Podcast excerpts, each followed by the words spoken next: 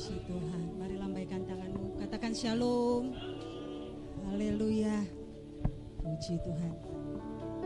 Saudara bersuka cita hari ini. Amin. Saya menghimbau untuk saudara yang dari belakang boleh maju ke depan untuk memenuhi kursi yang ada di depan. Baik. Oke, shalom juga untuk para jemaat yang ada di rumah. Kami percaya yang ada di rumah pun menerima kuasa hadirat Tuhan yang sama. Haleluya. Haleluya. Saya akan membacakan informasi sebelum ibadah kita dimulai.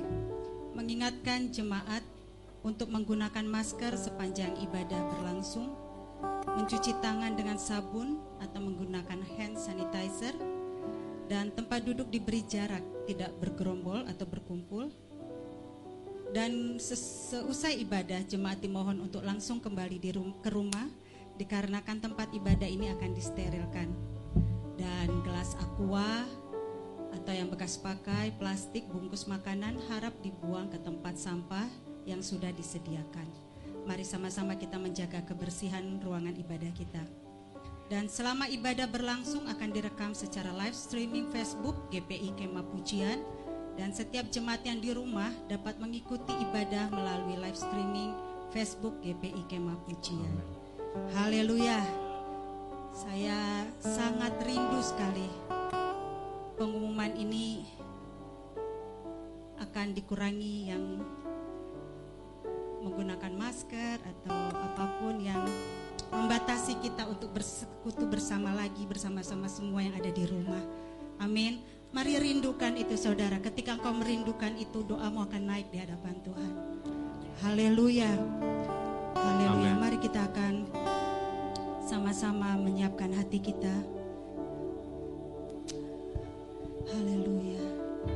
Terima kasih Bapa di surga. Kami bersyukur Tuhan Hari ini adalah hari yang kau ciptakan bagi kami. Hari yang penuh berkat, mendatangkan kemerdekaan, kelepasan, kesembuhan, pemulihan di rumah Tuhan.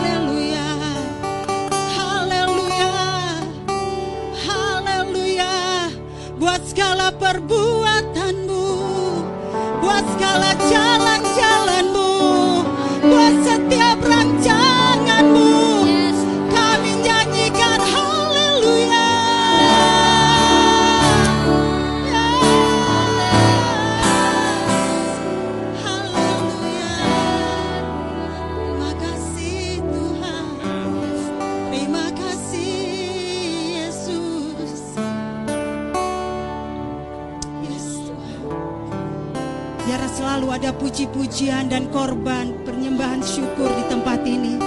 Korban persembahan ucapan syukur di tempat ini. Kami percaya Tuhan, Engkau Allah yang tidak pernah menahankan kuasamu untuk bekerja di tempat ini. Bahkan dalam kehidupan kami pribadi lepas pribadi. Terima kasih Tuhan. Terima kasih Bapak. Dia yang ada di tempat ini Tuhan hanyalah sorak-sorai kemenangan. Ucapan syukur. Engkaulah Mazmur kami Tuhan. Haleluya. Haleluya. Yang rindu menyembah Tuhan lebih lagi. Mari sama-sama kita katakan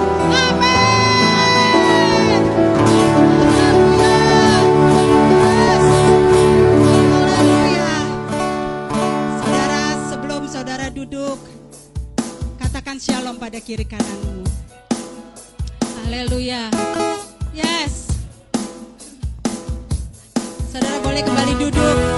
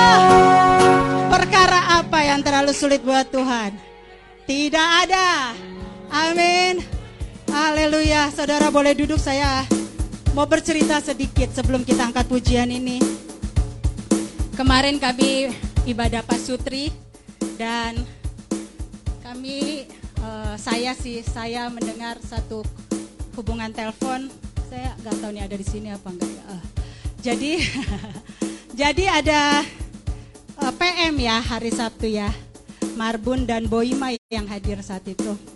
Dan menelpon direktur PM asik. Namanya Thomas. Jadi uh, Mas Thomas nggak usah ke sini lagi, semua sudah selesai. Wah, kita yang mendengar itu semua langsung keren banget nih prajurit tentara yang ini ya. Saya cuma mikir, saya cuma mikir gini saudara. ya yang agak tersentil mungkin mohon maaf, mohon maaf, mohon maaf. Kalau agak tersentil dikit mohon maaf. Jadi siapa pun kita yang mengambil bagian dalam pelayanan Tuhan atau tidak sama sekali, kita hadir di tempat ini. Apa yang membuat kita semakin kuat untuk tetap hadir? Jarak jauh, bahkan kita ambil bagian orang untuk kita selesaikan. Kalau bukan karena kita kagum akan pekerjaan Tuhan atas hidup kita. Amin kalau bukan karena perbuatan Tuhan atas hidup kita. Amin. Mari kita bangkit berdiri. Hai engkau prajurit-prajurit tentara Tuhan. Mari kita punya kerinduan untuk selalu diam dalam hadirat Tuhan. Haleluya.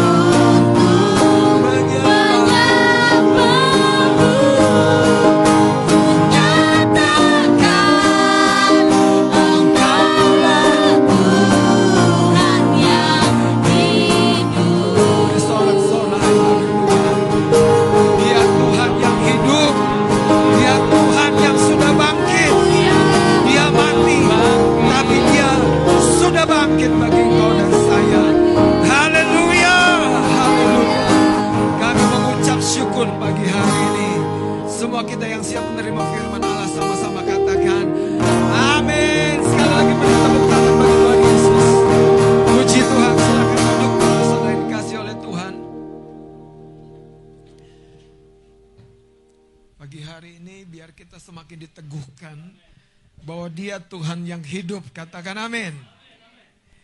Dia pernah mati ketika dia hadir di tengah-tengah umat manusia dalam jasad manusianya. Dia pernah mati, Yesus Kristus. Namun dia bangkit dan membuktikan kemenangannya terhadap seluruh kekuatan roh jahat, seluruh kesanggupan api neraka, seluruh yang pernah dicuri dari Taman Eden, yaitu wibawa dan otoritas yang diambil oleh setan, saudara, telah direbut kembali oleh dia ketika dia bangkit dan menyatakan kemenangannya. Nah, pagi hari ini mari kita lihat kepada firman Allah. Kita mau belajar sesuatu yang kiranya mengingatkan engkau dan saya bahwa hidup ini bukan hanya bicara tentang Tuhan dan engkau sebagai anak-anaknya. Tetapi ada satu pihak lain yang selalu berusaha mensabotase, melemahkan, dan membelokkan jalanmu dari perjalananmu menuju penggenapan rencana Tuhan. Dan itu yang sering kali di dalam hidup ini terkadang kita berpikir, di mana Tuhan? Seolah-olah Tuhan tidak mendengar doa kita. Saya mau berkata saudara, bahwa seruan yang engkau naikkan dari tempat yang paling tersembunyi sekalipun, dia selalu mendengar. Amin. Dia selalu mendengar. Dan dia pribadi yang tidak tahan untuk bertindak menolong. Artinya, dia selalu punya inisiatif untuk membela, mengangkat, membawa engkau naik dari posisimu hari ini kepada sebuah posisi yang lebih tinggi lagi yang memang dia telah sediakan di dalam rencananya. Tapi kalau hari ini kita mengalami struggle, pergumulan di dalam keuangan, kesehatan, mari kita sadari bahwa ada pihak lain yang memang selalu akan berupaya membawa kita bergeser dari perjalanan kita menuju penggenapan rencana Tuhan itu. Dan pribadi ini sampai hari ini di tengah kehidupan kita selalu berusaha menyelusup, masuk, bahkan melemahkan, membuat kita seolah-olah tidak mampu, tidak berdaya, kehilangan harapan, kehilangan kemampuan, putus asa, depresi, dan ujungnya saudara tidak sedikit orang Kristen yang mempersalahkan Tuhan dan bertanya, katanya engkau Tuhan berjanji, tetapi di mana penggenapannya?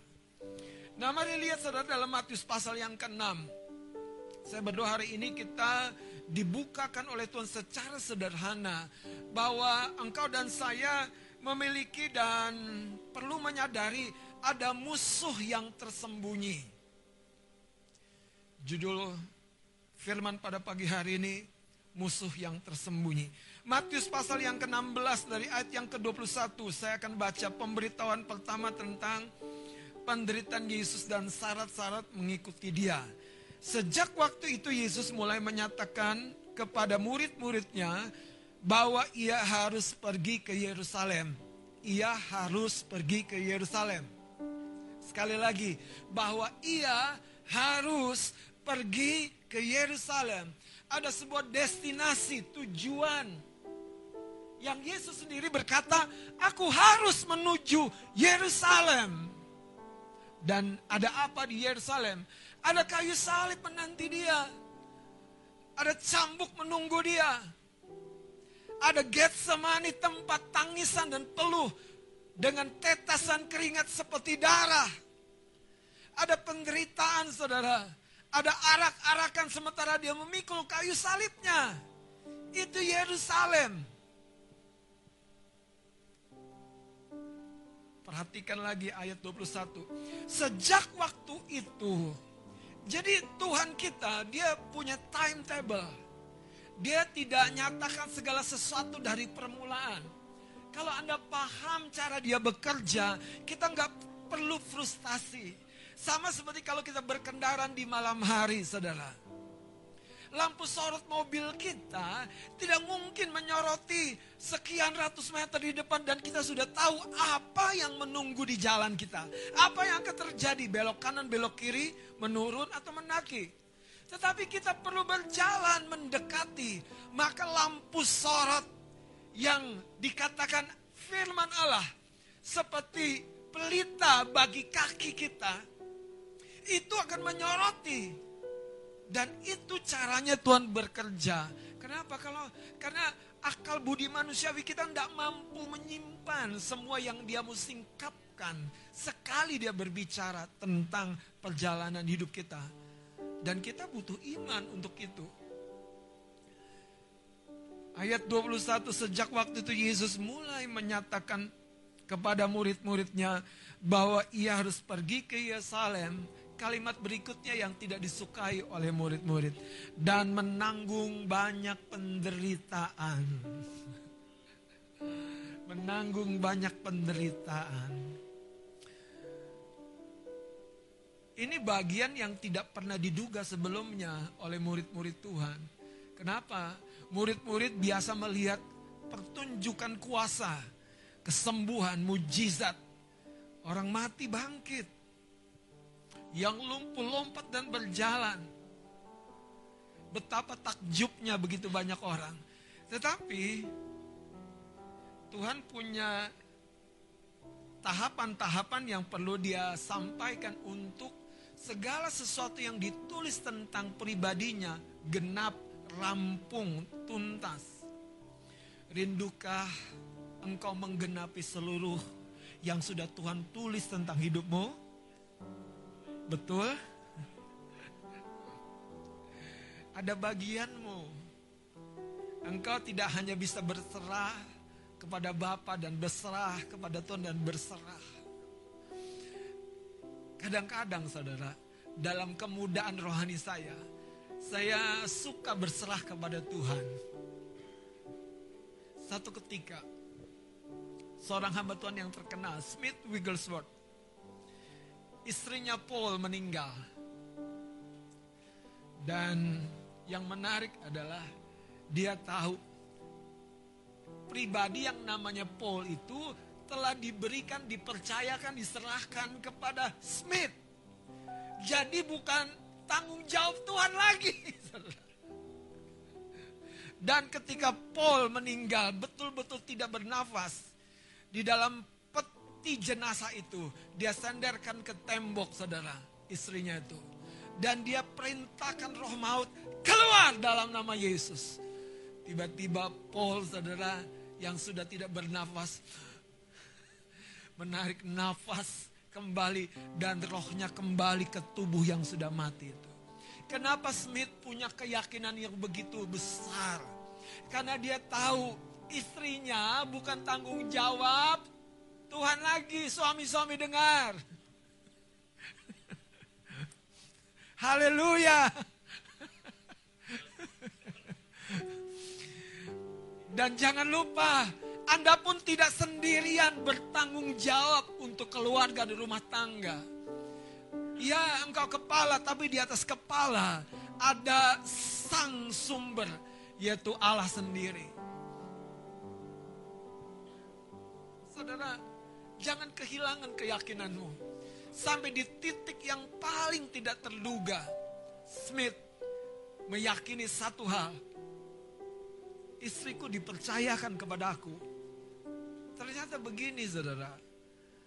Waktu dia perintahkan itu rohnya kembali roh maut keluar dari dari jasad si Paul itu dia bilang begini Paul aku masih butuh engkau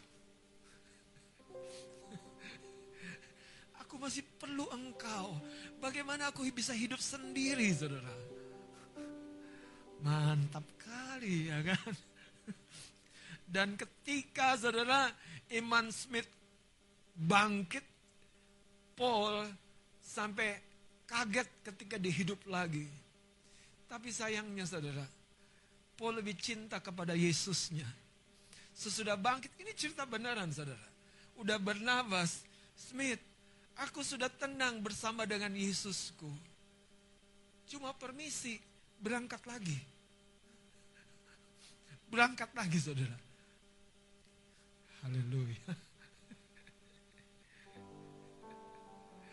Saudara siapa Smith? Kalau Anda tahu dia adalah seorang tukang ledeng. Tetapi saudara, siapa engkau sekarang? Siapa dia pada waktu itu? Tidak menjelaskan siapa dia pada masa yang akan datang. Siapa engkau hari ini belum menjelaskan siapa engkau di masa yang akan datang. Karena itu kau harus tahu selalu ada musuh dalam perjalanan penggenapan destinimu. Jangan menyerah dengan sakit penyakit. Jangan menyerah dengan kekurangan. Jangan menyerah, saudara. Apalagi tentang hal-hal yang fana. Dengarkan saya. Yang fana itu di hadapan Tuhan tidak bernilai sama sekali. Artinya, dengerin saya. Jangan anggap uang emas, perak, permata itu bernilai di dalam sudut pandangnya itu tidak bernilai. Artinya, kau bisa minta untuk semua yang kau perlu menggenapkan rencananya di muka bumi. Bayangkan, tidak bernilai. Yang bernilai keselamatan. Yang bernilai rohmu. Tidak berakhir di api, tapi di surga kekal. Yang bernilai saudara, bukan emas, perak, dan permata, bukan yang bernilai engkau dan saya sebagai anak-anaknya. Artinya apa saudara? Kenapa kita kehilangan kepercayaan kita? Karena sering kali ada pikiran-pikiran lain, pikiran-pikiran yang dari dunia, pikiran-pikiran yang dari roh jahat yang berusaha masuk melemahkan kita. Nah lihat saudara, dalam Matius 16 ini, Ketika Yesus menyatakan tujuannya ke Yerusalem, menanggung banyak penderitaan dari pihak tua-tua, imam-imam kepala dan ahli-ahli Taurat. Lalu apa? Selesai. Tamat. Syok enggak saudara? Murid-murid. Apalagi si Petrus. Dia akan meninggalkan semuanya. Segala sesuatu. Syok dong saudara. Hah? Aku kira kita bakal terkenal Shock dong saudara. Apalagi Yesus dengan terus terang lalu dibunuh. Sayangnya bagian terakhirnya itu dia nggak perhatikan. Dibangkitkan pada hari ketiga. Orang ya, kalau udah punya sesuatu, orang ngomong apa, lawan bicaranya nggak didengerin utuh. Betul apa betul? Yang dia denger tuh yang dia pengen denger, tau nggak? Ya kan? Kita ngomong A, B, C, D, ada E-nya. Abang ngomong apa? A, B, C, D. E-nya lupa. Kenapa? Karena itu yang saya butuh. Lihat cerita ini saudara. Dan dibangkitkan pada hari ketiga. Seorang muridnya yang masih muda belia itu. Yang sangat responsif. Yang paling cepat menanggapi gurunya. Lihat saudara, ayat 22. Tetapi Petrus menarik Yesus ke samping dan dengan beraninya gagahnya dia berkata, menegur dia katanya, Tuhan, Tuhan, kiranya Allah menjauhkan hal itu. Hal itu sekali-kali takkan menimpa engkau. Rohani sekali ya. Tuhan, kiranya Allah menjauhkan hal itu. Makanya tidak semua penderitaan didoakan Tuhan jauhkan. Tidak semua kesusahan kau doakan jauhkan. Tidak semua, tidak semua dan tidak selalu. Kadang-kadang Anda harus berkata selamat. Kadang-kadang engkau harus berkata puji Tuhan. Engkau lebih dulu menerimanya daripada aku. Kita punya jatah masing-masing dalam proses pembentukan Tuhan. Haleluya. Amin.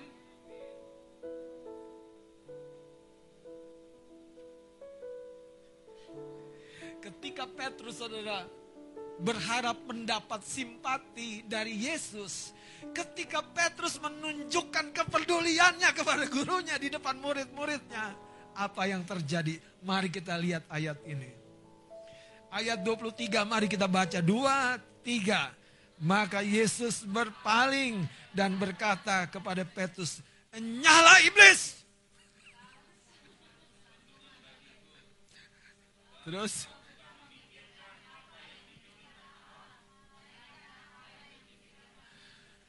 Saudara, tipis sekali. Bahasanya bisa rohani. Tetapi setiap penghalang menuju penggenapan rencana Tuhan dalam hidup kita ternyata ada sesuatu di balik itu yang namanya pekerjaan roh jahat dan setiap sekutu-sekutunya saudara. Engkau harus tahu bahwa Tuhan sampai hari ini sedang bekerja dan terus bekerja. Tapi kalau apa yang dia kerjakan dalam hidupmu belum manifest. Ada sesuatu yang menghalangi, ada batu sandungan. Kenapa Yesus berkata engkau satu batu sandungan? Karena Yesus sedang menuju Yerusalem. Yesus dalam perjalanan. Engkau ingin membuat aku berhenti di sini, Petrus? Engkau batu yang membuat aku tersandung. Tetapi dalam konteks ayat ini, Yesus menjelaskan secara dalam apa yang dipikirkan Petrus itulah yang menjadi sumber masalahnya. Apa yang dipikirkan dan apa yang dipikirkan itu terbit dari apa yang diinginkan. Itu sebabnya kalau Anda baca terjemahan bahasa Inggrisnya lebih detail lagi. Karena engkau memikirkan apa yang bersumber dari hawa nafsu keinginan daging manusia. Bukan pikiran manusia pada umumnya yang biasa, yang normal. Itu sebabnya dengarkan saya. Waktu engkau mengejar uang, mencintai uang. Engkau mulai di, ditarik oleh keinginan daging manusia. Tapi ketika engkau bekerja dengan baik, mengasihi Tuhan, diberkati begitu limpah dan luar biasa, dan engkau tetap hadir di muka bumi sebagai hamba Allah untuk memajukan, mengembangkan, meluaskan pekerjaan Allah. Justru sebaliknya, Allah akan melipat gandakan keuntungan di dalam kehidupanmu. Saudara, itulah sebetulnya kehidupan. Jangan pernah takut untuk mengalami kelimpahan. Jangan pernah takut untuk mengalami kebugaran, kesehatan, keprimaan dalam kehidupanmu sampai usia lanjutmu. Iya saudara. Karena dalam kamus Tuhan, Tuhan tidak pernah bilang begini. Aku rencanakan 10 kejadian. di mana lewat kejadian 10 itu namaku dipermuliakan. Tetapi aku capek dengan hidupmu. Lima saja cukup. Aku panggil pulang. Tuhan gak pernah begitu kekasih-kekasih Tuhan. Apa yang saya maksud? Sekalipun si bungsu menghambur-hamburkan, memboroskan harta bapaknya. Ketika dia balik. Dan sudah tidak berani berkata, aku anakmu pak. Eh pede kali kau. Jadikan aku hamba. Tetapi lihat apa responnya. Makanya saya mau berkata saudara, yang materi itu kalau di pikiran kita hari ini terlalu berharga, engkau belum melihatnya dari sudut pandang Bapa di surga. Itu berharga bukan bagi dia, itu berharga bagi kita secara lahiriah dalam tugas kita di muka bumi. Karena itu minta dari sudut pandangnya. Tuhan betapa engkau kaya, engkau melimpah, engkau murah hati. Berkati aku Tuhan. Biar tahun depan kami punya gedung gereja sendiri Bapak. Haleluya. Paling tidak yang kiri, eh yang kanan saya, yang kiri saudara, diperluaslah. Atau yang di hadapan saya, di belakang Anda, diperluas. Toh masih ada satu blok lagi di sana. Gimana Kani, setuju?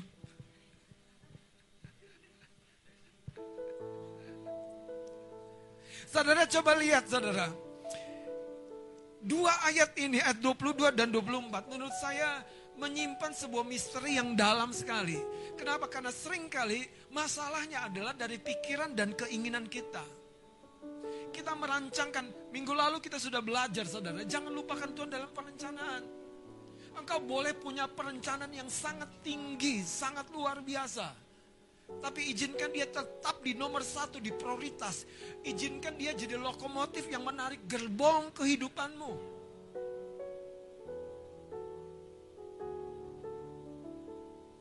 Saudara lihat ayat 22. Tetapi Petrus menarik Yesus ke samping dan menegur dia. Kalimat ini saja menunjukkan betapa kagetnya, terperajatnya Petrus. Bahwa Yesus seperti mematahkan harapan manusiawinya.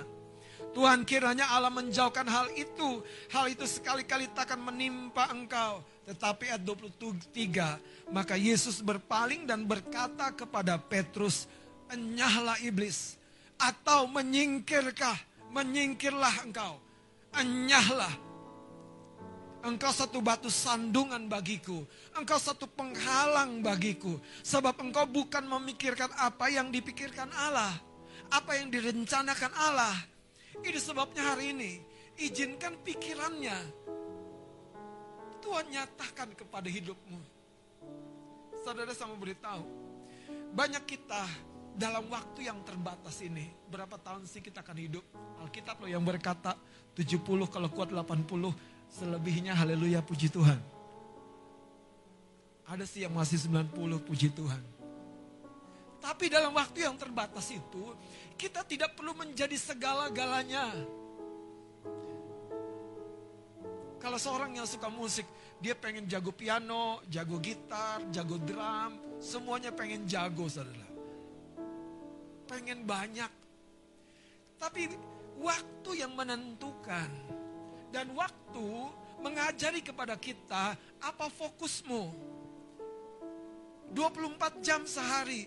Kalau engkau tidak bisa rencanakan waktu penyembahan dan doamu dengan matang. Menurut saya ada batu sandungan. Kalau kau tidak bisa rencanakan ibadahmu, ada batu sandungan. Kalau engkau tidak bisa rencanakan pelayananmu dengan baik, ada batu sandungan. Dan itu saudara adalah pekerjaan roh jahat. Dalam budaya Yahudi, besok hari sabat, bes, kemarin eh, besoknya, sebelumnya, itu merupakan hari persiapan. Terima kasih untuk penata ruang. Seperti disebutkan Kak Sari, kita menikmati ibadah dengan baik. Tapi terima kasih juga untuk tim PW yang udah latihan dari Kamis. Iya, haleluya. Bedanya kalau penata ruang yang digoyang itu kain pel. kalau pemain musik saudara lain yang digoyang. Dengerin saya saudara. Terima kasih untuk orang-orang yang berperan yang tidak kita lihat yang mempersiapkan tujuan dan rencana Tuhan hari ini terjadi. Sebaliknya sama kasih tahu, segala sesuatu yang orientasinya menghalangi Yesus menuju Yerusalem itu bersumber dari pekerjaan roh jahat, demonize, sesuatu yang dipengaruhi oleh demon, roh jahat. Sekalipun seolah-olah hanya buah pikiran, nanti saja, besok saja, besok saja kita cek kabelnya, besok saja kita periksa ininya. Saya mau beritahu saudara, kalau hari ini engkau masih biarkan pikiran-pikiran seperti itu tumbuh, waspada. Itu bisa jadi batu sandungan. Batu sandungan saudara, batu sandungan, batu sandungan. Kadang-kadang sepele ya, lupa Betul kan? Lupa. Ada kabar baik pagi ini. Saya berangkat dengan semangat supaya tidak terlambat. Saya bawa sepatu yang sudah saya semir kemarin. Sudah saya taruh. Saya bawa, kenapa? Karena saya bawa, uh, bawa uh, kendaraan, bawa mobil pakai sendal. Jadi pokoknya dengan percaya diri saya masukin sepatu saya, saya berangkat. Ada yang lupa Waktu saya mau turun dari mobil, saya mau pakai sepatu saya. Tidak ada kaos kakinya.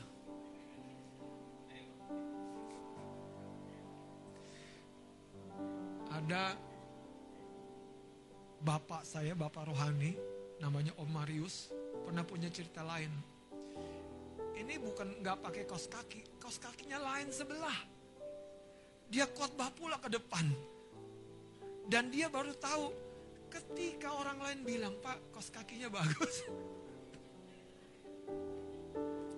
Saudara, pikiran kita ini perlu dikelola. Dengerin saya, tidak semua kita diberi kesanggupan lima talenta. Jangan ingini orang. Ini apa yang Tuhan mau buat hidupmu. Jangan, jangan ingini berhenti hari ini. Berhenti menjadi seseorang yang bukan dirimu. Haleluya. Mengucap syukurlah kalau produk dirimu adalah ada gambar dana tobanya di sini, saudara. Waduh, haleluya. Sekalipun waktu orang dengar kata-katamu kok Jawa kamu ya.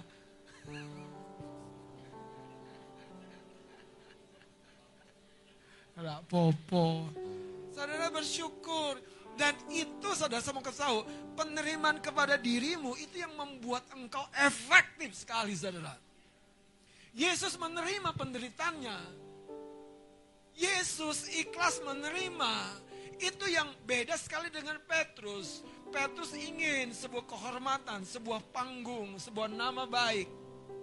Sayangnya, dia berseberangan dengan pikiran Allah. Dengerin lagi saudara, dalam hidup kita dengan waktu yang begitu terbatas, kita harus berhati-hati terhadap untuk mencapai banyak hal.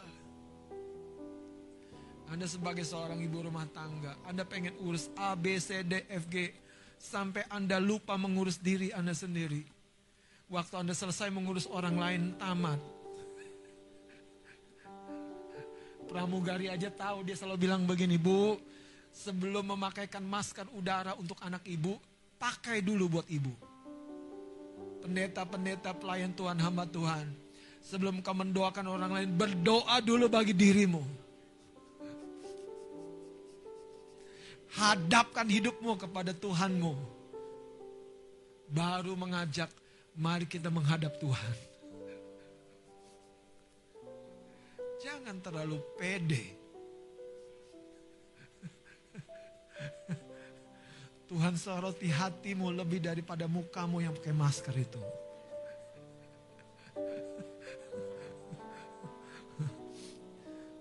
Tuhan tahu berapa lama doamu yang kadang-kadang lihat jam lagi. Kata abang 15 menit paling paling pendek. Tapi kemarin udah dibilang setengah jam sekarang nggak boleh 15 menit. Besok pasti dibilang 45 menit. Lihat jam lagi. Dengerin saya saudara. Kembali lagi kepada hatimu. Segala sesuatu yang menghalangi hidupmu mengalami penggenapan rencana Tuhan. Di dalamnya itu ada unsur pengaruh roh jahat. Dan dalam konteks ini, kenapa roh jahat bisa mengambil peran dalam pribadi Petrus? Karena ada pikiran-pikiran yang bersumber dari keinginan manusiawi. Kitab Yakobus berkata apa? Apa yang mendatangkan pertengkaran? Yaitu keinginanmu. Engkau ingin sesuatu tapi tidak mencapainya. Kata Alkitab karena engkau tidak berdoa. Atau engkau berdoa juga. Tapi engkau tidak mendapatkannya karena yang kau minta hanya kau hanya ingin kau habiskan bagi keinginan hawa nafsumu. Hari ini sukseslah, diberkatilah, sehatlah, tapi bukan untuk gagah-gagahan. Cantiklah, gantenglah. Tapi bukan untuk membuat masalah. Haleluya. Bukan untuk TP-TP. Gimana Pak mau ya tambahin U. TP-TP U. Dengerin saya saudara. Diberkatilah sukseslah. Kenapa berkata cukup? Karena kau tidak punya visi yang besar.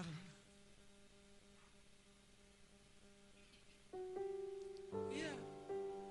Saya pernah bilang sama Mas Adit, Mas Adit beli Metro Mini kek.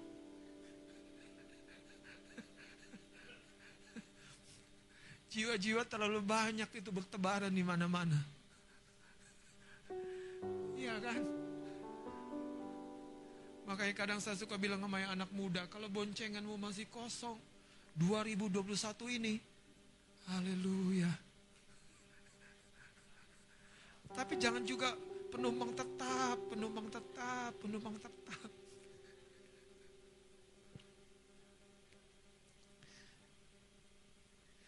Apa yang kau dan saya pikirkan? Apa yang keluar dari keinginan? Keinginan manusia dagingmu. Saudara, saya pernah ingin punya laptop. Saking pengennya uang yang bukan uang saya saya pakai untuk belanja. Datanglah sejahat. Diikatnya keuangan saya. Mati saudara. Saya pikir berkat yang selalu datang itu bisa buat balikin uang yang saya pakai sementara. Nggak bisa loh. Aneh. Ditutup. Dan ditutup oleh siapa? Bukan oleh Tuhan. Nah, Anda jangan salah konsep lagi nih. Tuhan gak pernah tutup berkatmu. Colek kanan kirimu. Berkatmu gak pernah ditutup Tuhan. Gak pernah. Gak pernah. Dia yang berkata dalam kitab Yakobus. Segala yang baik. Yang sempurna. Itu datangnya dari Bapa Yang padanya tidak ada pertukaran atau bayangan. Dengerin saya saudara. Sejahat-jahatnya si bungsu. Waktu kembali diapain? Dipeluk lah. Ya kan? Jadi buat dia apa? Yang paling penting baunya? Enggak lah. Yang penting buat dia apa? Bersihnya kau? Enggak. Masih jelek engkau. Masih bau engkau. Pakaianmu pun belum sempat ganti, masih gembel engkau. Tapi dia memeluk kita, haleluya. Amin. Karena itu sayang sekali kalau hari ini kita tidak datang dengan penuh kepercayaan diri kepada Bapa yang mengasihi. Saudara, yang menjadi batu sandungan itu roh jahat yang mengambil kesempatan dalam keinginan manusiawi yang bersumber dari hawa nafsu di dalam pribadi Petrus. Mari kita buka saudara. Saya berupaya tidak banyak ayat sebetulnya. Tapi saya rasa ini penting untuk kita lihat. Kitab Titus pasal yang kedua. Tolong seorang baca ayat yang per- 11 dan 12. Silakan Mas Adit. Titus 2 ayat 11 dan 12. Iya. Karena kasih karunia Allah yang menyelamatkan semua manusia sudah nyata Jadi kasih karunia itu artinya perbuatan Tuhan untuk kita yang sudah disediakan, saudara, sudah disediakan. Free, free. Bukan karena engkau saleh loh, dengar. Kenapa? Karena yang menyediakan Yesus, bukan kita. Kita menerimanya dengan percaya. Bukan dengan perbuatan baik dan pelayanan kita. Percaya. Karena kasih karunia Allah yang menyelamatkan semua manusia sudah nyata ayat 12-nya. Ia mendidik kita supaya kita Ia mendidik kita supaya meninggalkan kefasikan meninggalkan, melepaskan, meninggalkan kefasikan, terus dan keinginan-keinginan duniawi. colek kanan kirinya. Apa keinginanmu? Kadang-kadang saudara, jujur ya, sebagai seorang pendeta, salah satu keinginan duniawinya adalah banyak jemaatnya. Bagus gedung ibadahnya. Iya. Dia lupa itu cuman akibat dia melayani Tuhan memenangkan jiwa. Cuman akibat nggak boleh jadi keinginan. Aduh kalau Anda nangkep apa yang di pikiran saya, di hati saya ini, Anda akan terbebaskan. Anda bisa mencapai sebuah puncak ketinggian dan Anda tidak didakwa oleh setan. Wah lu ngejar uang, periksa aja hatiku. Wah, lu ngejar posisi, periksa hatiku. Itu orang kalau sudah merdeka tuh begitu. Rumahmu hebat sekali, megah sekali, mobilmu tiga. Nah, kamu mengejar harta, silakan periksa. Dengerin, hatimu tuh akunmu. Kalau akunmu beres, wah merdeka saudara. Makanya saya bilang, hati kita sumbernya. Ayat ini berkata meninggalkan apa? Kefasikan dan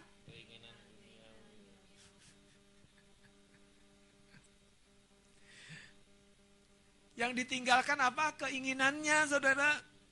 Kalau dapat berkat, kenapa ditolak? Anda paham gak sih? Keinginannya, jadi itu hasratnya itu yang membuat Anda salah fokus. Mencari Tuhan, fokusnya berkat.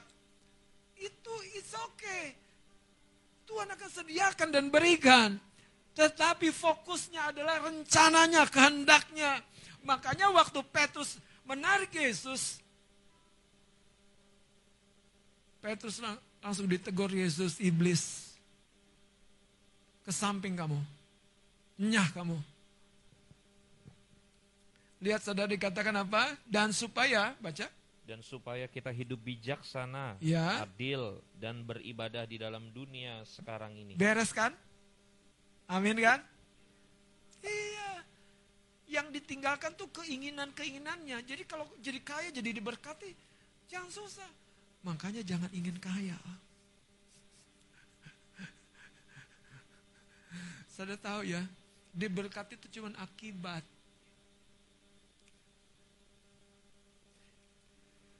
Pagi hari ini, apa yang kita pikirkan saudara? Apakah itu bersumber dari keinginan-keinginan manusiawi daging kita? Jangan izinkan itu menjadi batu sandungan. Tuhan belum berhenti bekerja. Tuhan belum berhenti bekerja. Dan kalau dia belum berhenti bekerja, kenapa seolah-olah jam dalam hidup kita lambat berjalannya? Kenapa seolah-olah penggenapan dari janji, firman, perkataan, nubuatan yang sudah dilepaskan lambat tergenapinya? Dengerin saya. Petrus merupakan sebuah contoh bahwa di dalam hati kita jangan-jangan ada sesuatu yang menjadi pijakan roh jahat yang membuat saudara respon kita bukan seperti respon Tuhan. Respon kita menjadi respon yang lahir dari manusia daging kita.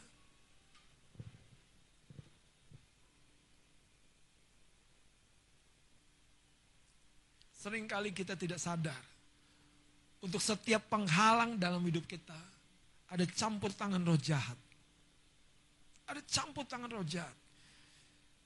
Mari kita lihat Efesus pasal 2.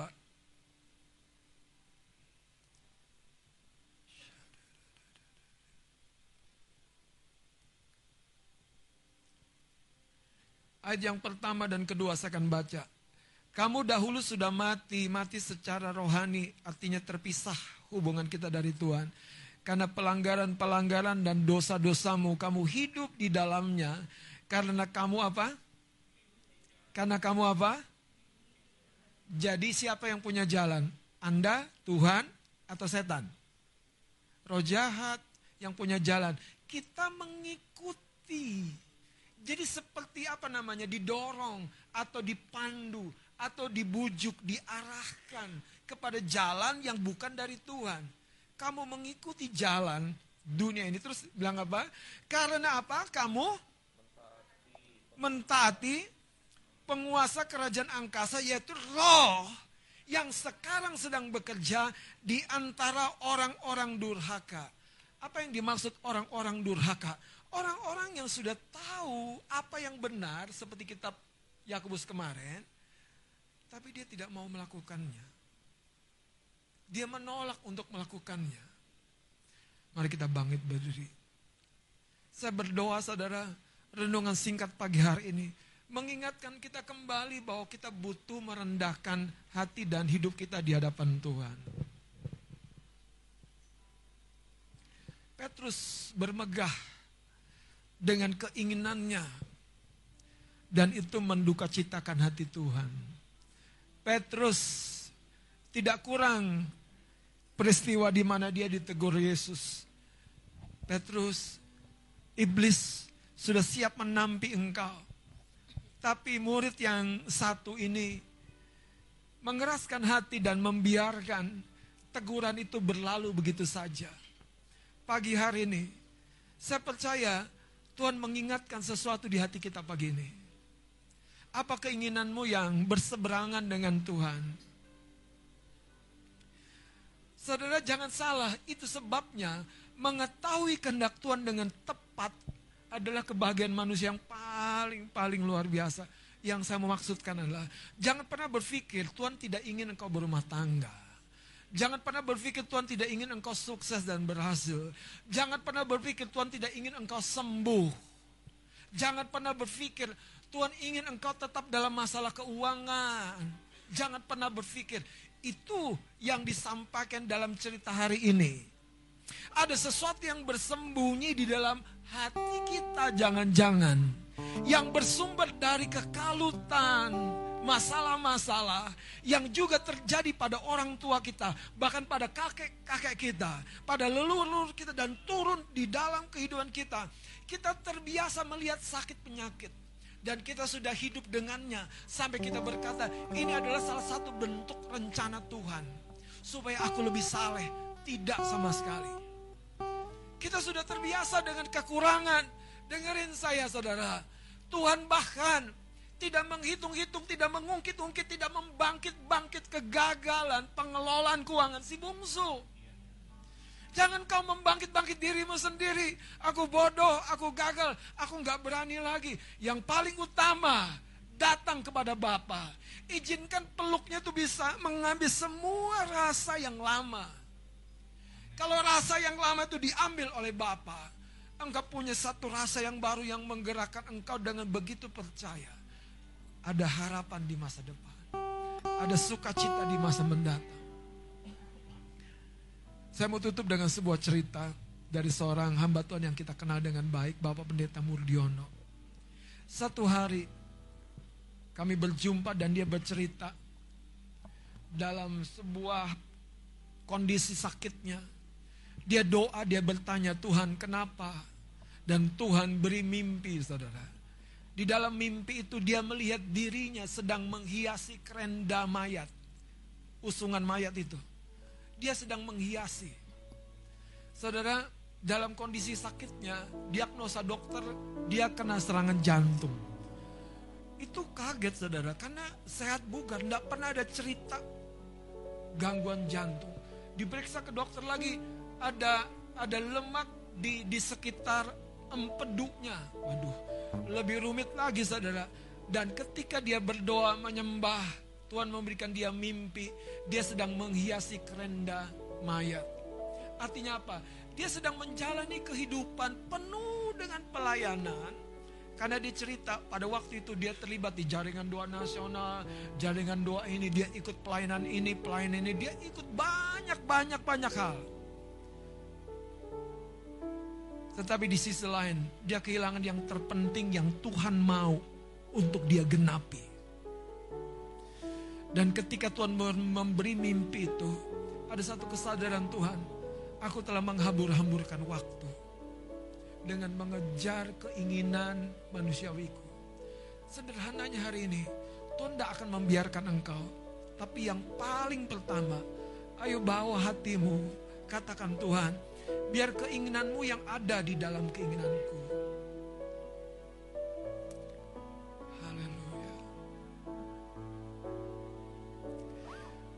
Mari kita angkat lagu ini.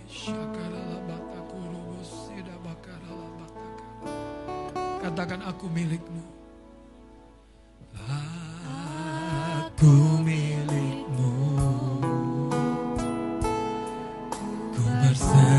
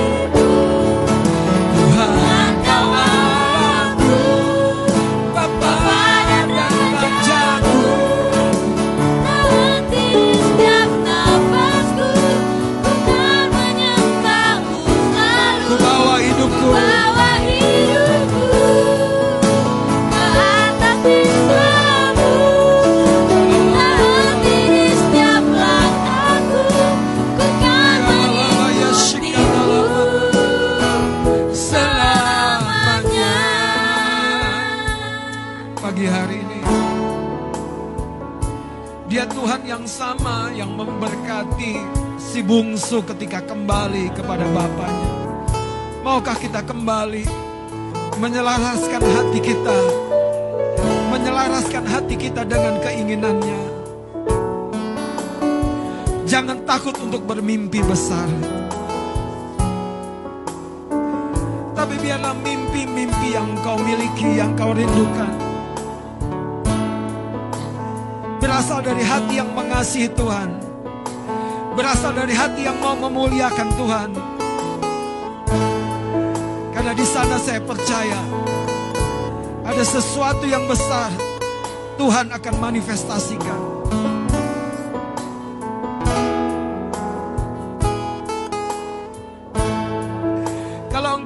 berkata, Tuhan ingin seperti ini saja, keinginan yang sebetulnya sederhana, kenapa engkau tidak berikan?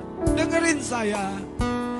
Dia Bapa yang maha pemurah, mana mungkin dia tidak memberikannya kepadamu. Tetapi hari ini dengar, ada musuh yang tersembunyi, yang bersembunyi di dalam keinginan-keinginan dagingmu dan berusaha menjadi batu sandungan, menghalangi perjalanan hidupmu mencapai rencana Tuhan. Mari katakan pujian ini kembali dari awal. Aku milikmu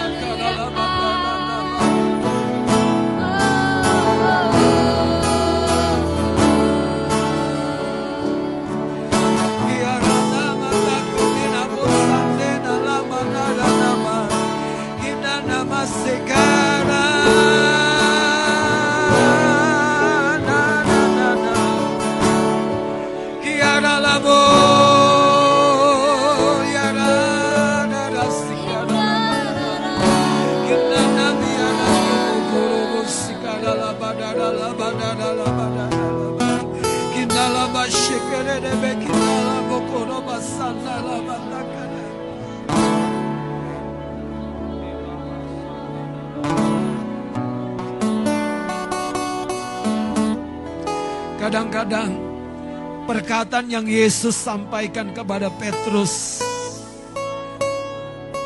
Kadang-kadang dengarkan saya. Perkataan yang Yesus sampaikan kepada Petrus, iblis enyah kau. Perkataan yang sama juga kita harus katakan kepada motivasi-motivasi, pikiran-pikiran lain, keinginan-keinginan lain yang coba menggeser tujuan-tujuan Tuhan dalam hidup kita. Kita mau semua yang Tuhan rencanakan terjadi. Tapi dengarkan saya. Kalau Yesus berkata kepada Petrus, engkau perlu berkata kepada sesuatu yang di dalam dirimu, sesuatu yang di dalam pikiranmu itu, sesuatu yang mendistrak perjalananmu, kesungguhan hatimu, komitmenmu, sesuatu yang melemahkan disiplin rohanimu, sesuatu yang menghancurkan ketaatanmu. Engkau perlu berkata, anyah kau iblis, anyah kau iblis. Aku seorang yang komitmen, aku seorang yang disiplin, aku seorang yang siap membayar harga.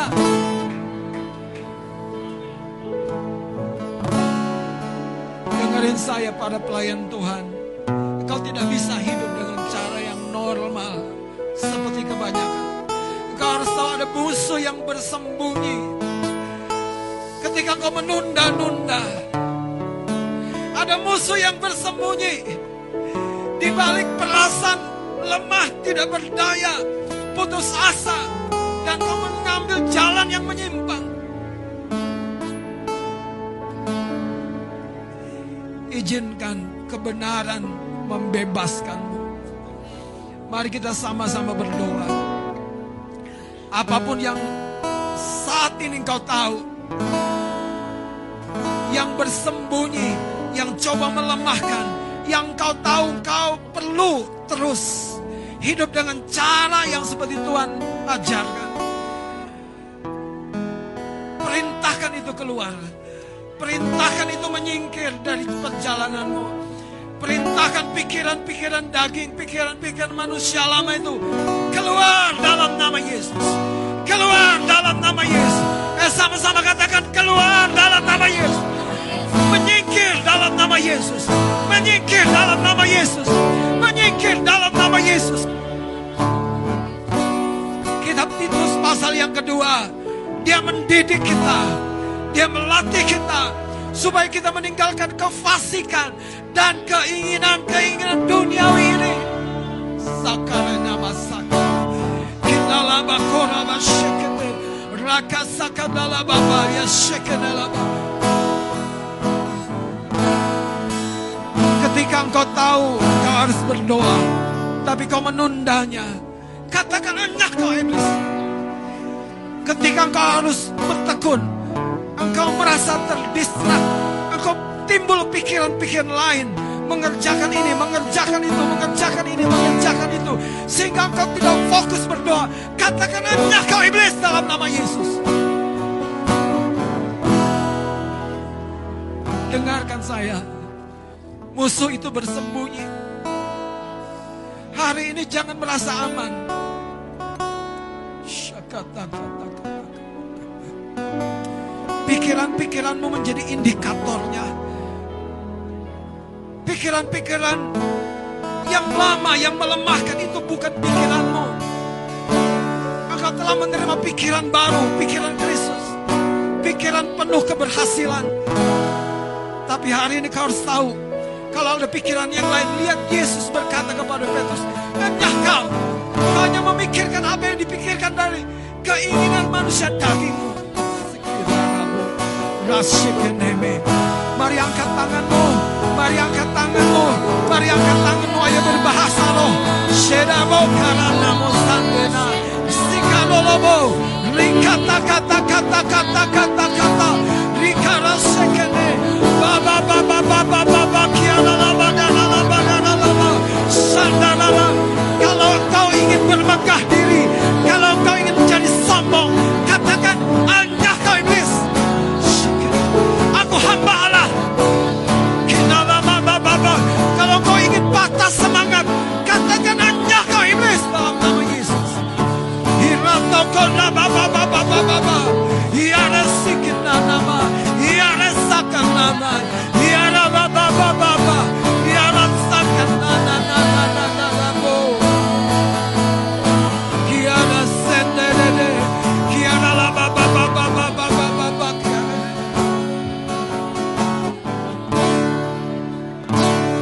Kita akan berdoa untuk beberapa hal pagi hari ini.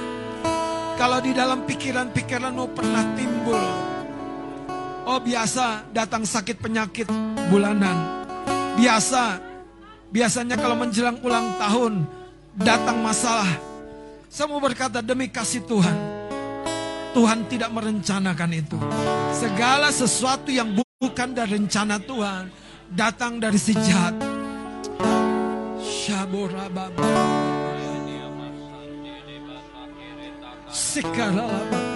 Jangan katakan biasa untuk sakit penyakit. Jangan katakan biasa untuk kehilangan benda-benda dalam hidupmu yang berharga apalagi. Jangan katakan biasa untuk kekalahanmu dalam hubungan, dalam keuangan. Jangan katakan biasa. Di dalam nama Yesus, mari kita berdoa untuk sakit penyakit apa pun. Tuhan hadir di tengah-tengah kita. Shema baba baba baba baba. Kira lama takkan dalam baba. Shikara baba. Engkau telah menyediakan kesembuhan. Sebab engkau telah membeli hidup kami. Engkau telah membayar lunas. Apa pun bentuk kelemahan tubuh sakit penyakit. Yang datang berasal dari garis darah. Dari orang tua kakek nenek kami. Sakit penyakit yang turun temurun. Pagi hari ini kami batalkan semua dalam nama Yesus. Kami batalkan semua oleh darah Yesus. Kami batalkan setiap jenis sakit penyakit, kelemahan tubuh. Kami tolak keluar dalam nama Yesus. Dalam nama Yesus harus keluar. Berhenti sekarang. Dalam nama Yesus. Kesembuhan adalah bagian kami. Kesembuhan adalah milik kami. Kesehatan adalah milik kami. Dalam nama Yesus. Dalam nama Yesus. Kalau Anda mengalami setiap waktu-waktu tertentu, Anda mengalami kesedihan, Anda mengalami serangan dalam jiwa, Anda mengalami gangguan-gangguan dalam perasaanmu. Saya mau beritahu itu bukan dari Tuhan.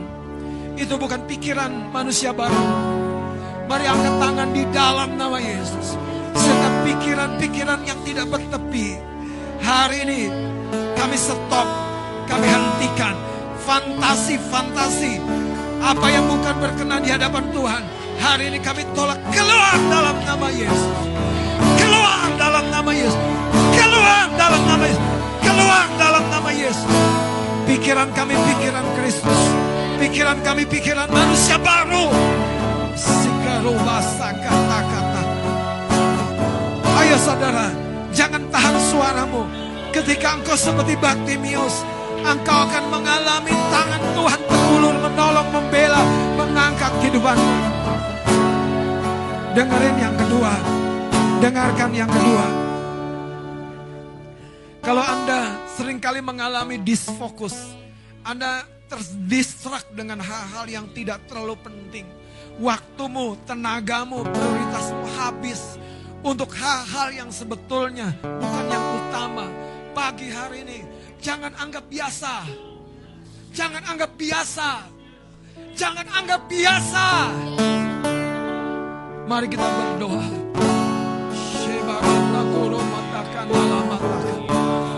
Segala sesuatu yang mencuri fokus kami, yang mendistrak kami, yang mengganggu perjalanan kami menuju penggenapan firman Allah.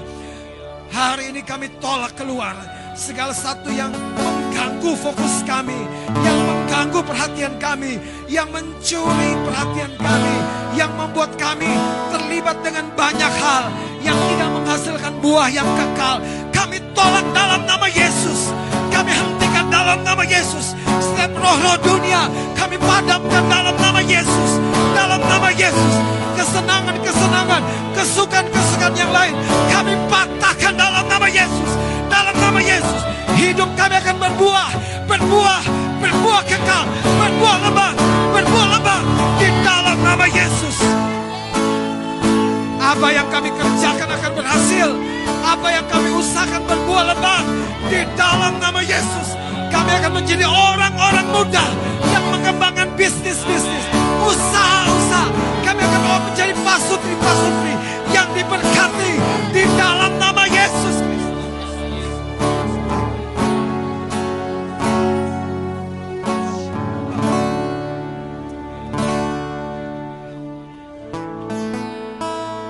Sekarang satu hal yang lain dengarkan saya.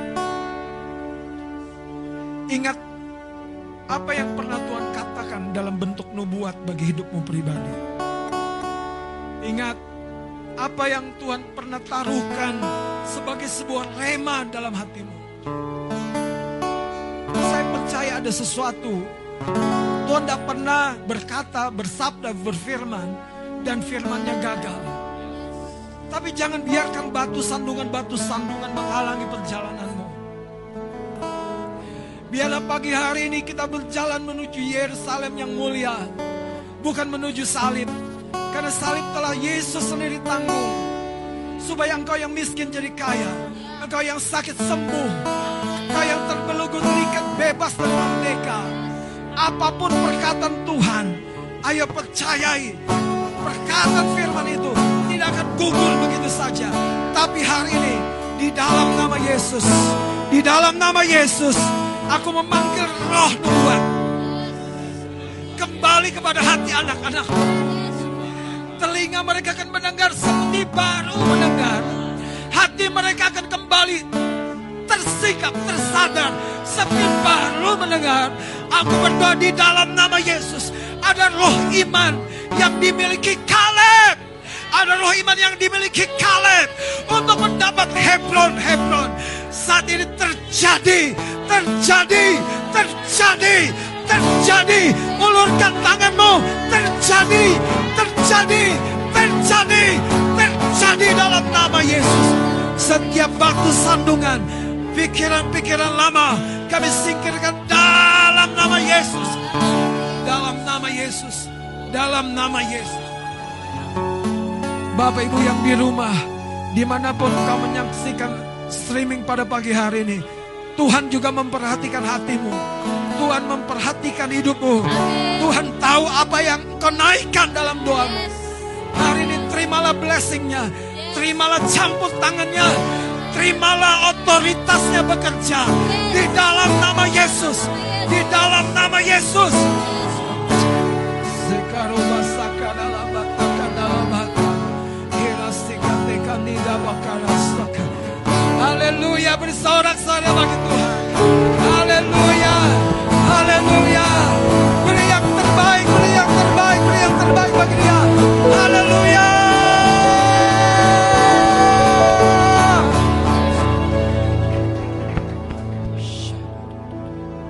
Terima kasih Tuhan. Biarlah seruan elu-elu anak-anakmu akan menghasilkan breakthrough, breakthrough, breakthrough dalam nama Yesus. Sama-sama katakan, amin. Anda kalau teriak haleluya harus belajar panjang. Haleluya. Dengerin saudara, ada sesuatu di dalam kata-kata itu. Dan waktu Anda meneriakkan itu dengan nafas yang dari kedalaman yang kuat, Anda bisa membayangkan tembok Yeriko saja roboh. Makanya saya percaya ada breakthrough. Kalau teriak haleluya betul-betul teriak. Haleluya.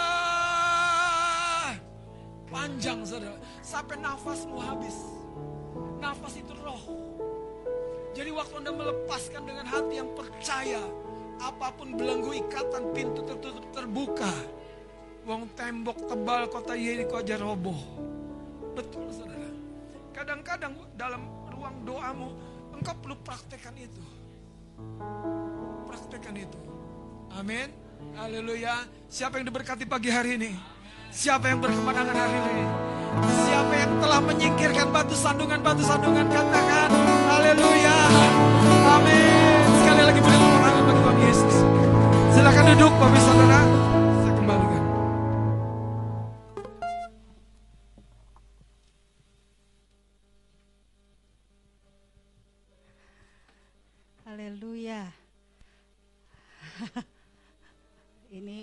Ada respon nih Bang. Haleluya. Yes. Haleluya. sampai nafas ujung di nafasnya ya. Saudara diberkati Tuhan, amin. Amin.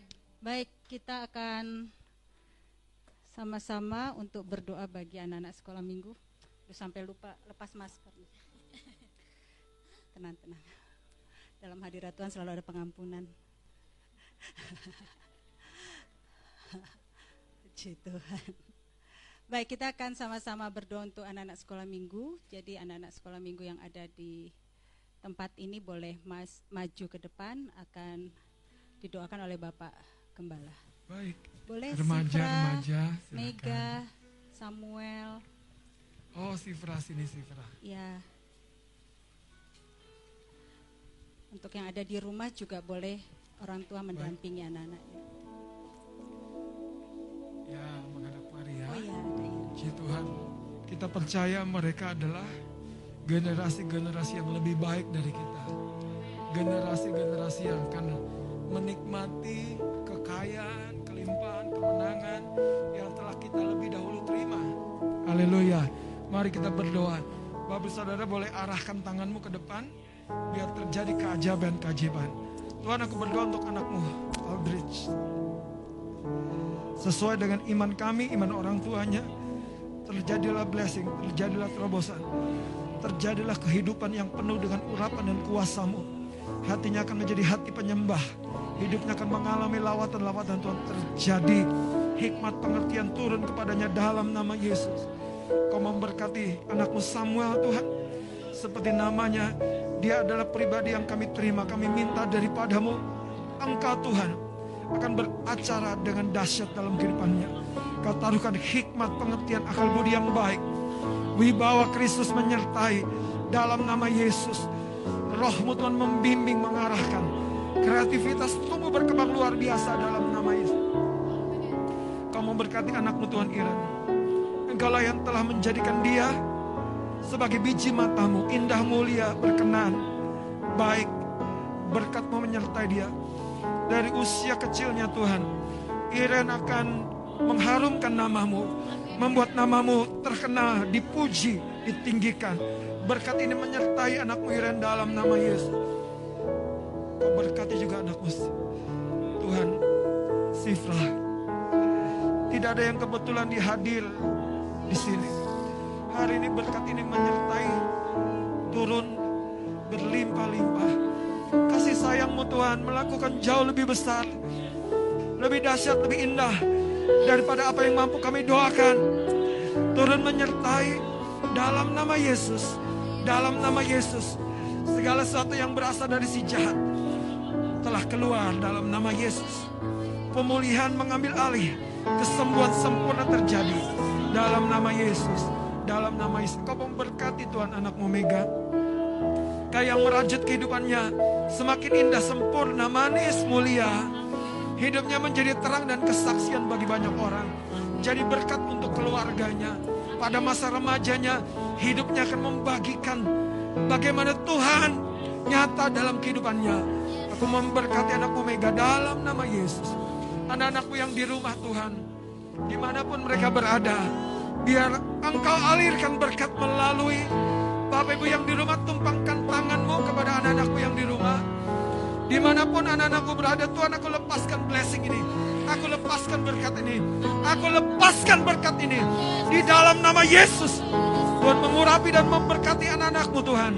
Sehingga mereka akan berhasil sukses. Seperti rencanamu terjadi. Terjadi.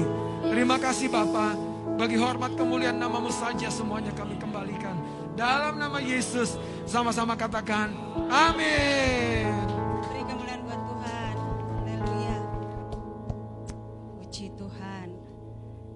Spesial berkat hari ini buat anak-anak sekolah minggu. Baik, sebelum kita nanti akan memberikan persembahan, kita akan mendengarkan pengumuman, beberapa pengumuman. Baik, eh, untuk hari ini kita akan menyerahkan persembahan memberkati lingkungan. Jadi jika saudara ada yang belum menerima amplop ini boleh mengangkat tangan, Asyar akan membantu untuk memberikan kepada saudara. Ini nanti akan diserahkan setelah eh, persembahan selesai diedarkan. Jadi nanti bergantian maju ke depan untuk menaruh di kotak yang ada di depan. Baik.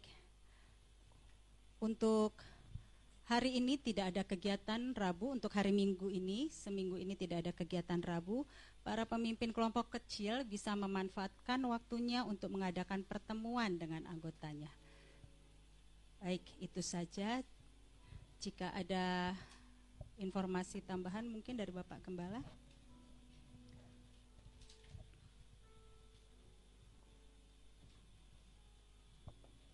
Eh, Bapak Ibu yang kita semua yang ada di sini dan yang di rumah, eh, waktu kita terbatas, kita menjelang tengah tahun.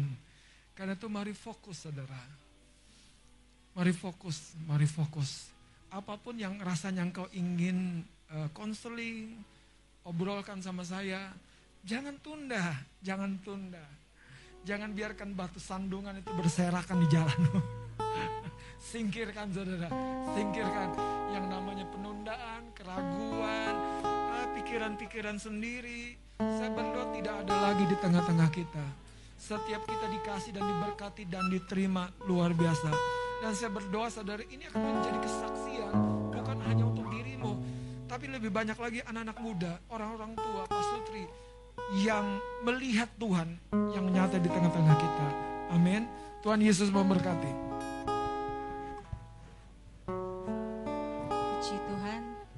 Baik, kita akan sama-sama memberikan persembahan kita. Kita akan berdoa bersama. Kami mengucap syukur ya Tuhan untuk persembahan yang telah kami siapkan. Bapak apa yang kami terima ini semua hanya daripadamu. Ajar kami memberikan persembahan ini dalam rasa hormat dan penyembahan yang tertinggi bagimu ya Bapak. Apa yang kami bawa ini Tuhan sebagai rasa penyembahan kami, hormat kami bagi setiap apa yang Tuhan telah lakukan dalam kehidupan kami, jauh melampaui apa yang kami bisa berikan hari ini.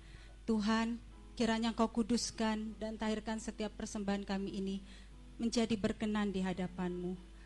Engkau juga yang memberkati Tuhan, pelayanmu yang akan mengedarkan kantong persembahan, biar segala kelimpahan, kebaikan menyertai sepanjang perjalanan hidupnya. Terima kasih Bapa.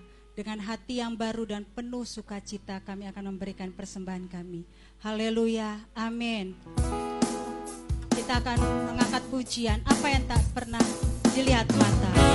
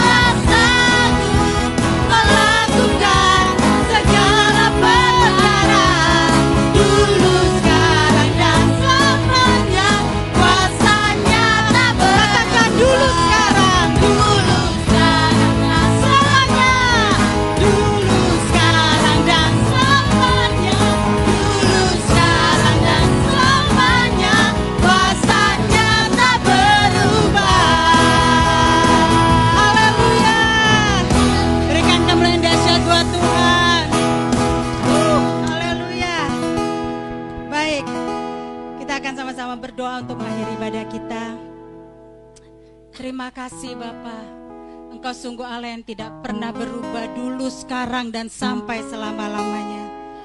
Terima kasih Tuhan. Saat ini kami berdoa bersama-sama. Mengucap syukur untuk pemeliharaan dan pertolongan Tuhan untuk setiap kami jemaat GPI Kemah Pujian. Bapak Ibu Gembala kami, anak-anak sampai dengan lansia. Kami berdoa, ada hati-hati yang diubahkan dan diteguhkan semakin mengasihi Tuhan. Ada mesbah-mesbah korban syukur di tiap pribadi dan tiap rumah tangga.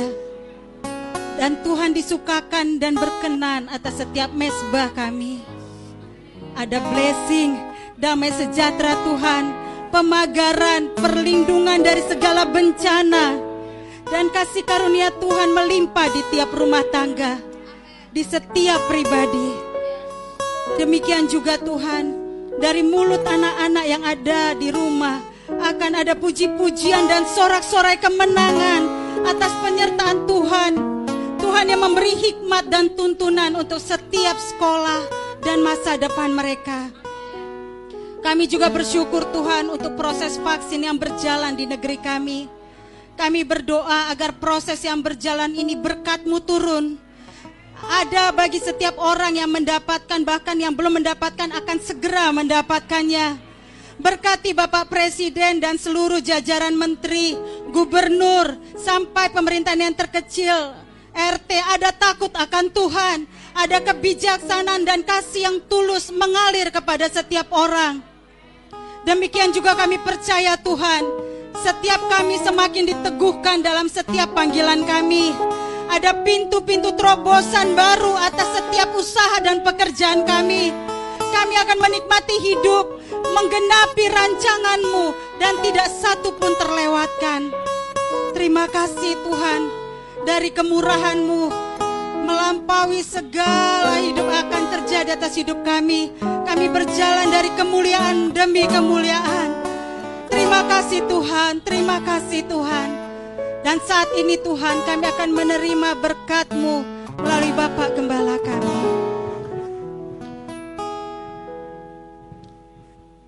Mari dengan percaya angkat kedua tanganmu. Kiranya kasih karunia Allah yang berlimpah-limpah yang telah disediakan oleh karena Yesus Kristus putranya. Kasih karunia yang membuat dan memberi engkau kemenangan. Kasih karunia yang membuat engkau kuat dalam masa kelemahan. Kasih karunia yang mengangkat engkau ketika engkau terjatuh. Kasih karunia untuk turun menyertai engkau. Dan biarlah cinta dan kasih dari Tuhan Yesus mengalahkan pesona dunia, mengalahkan daya tarik dunia, mengalahkan apa pun yang berasal dari dunia. Sebab engkau tahu engkau dikasih dan terima. Cinta kasih Tuhan Yesus meneguhkan, menguatkan engkau dalam pertandinganmu. Dan kiranya juga persekutuan roh kudus membimbing, memberi hikmat tuntunan, memberi engkau daya tahan dan kesabaran. Dan engkau tetap berdiri sebagai pemenang. Terimalah berkat yang berlimpah-limpah ini. Mulai hari ini sampai selama-lamanya Maranatha. Yesus datang pada kali yang kedua. Di dalam nama Yesus Kristus. Semua kita yang diberkati dan percaya katakan amin, amin, amin. Tuhan memberkati. Selamat hari Minggu, Tuhan Yesus memberkati.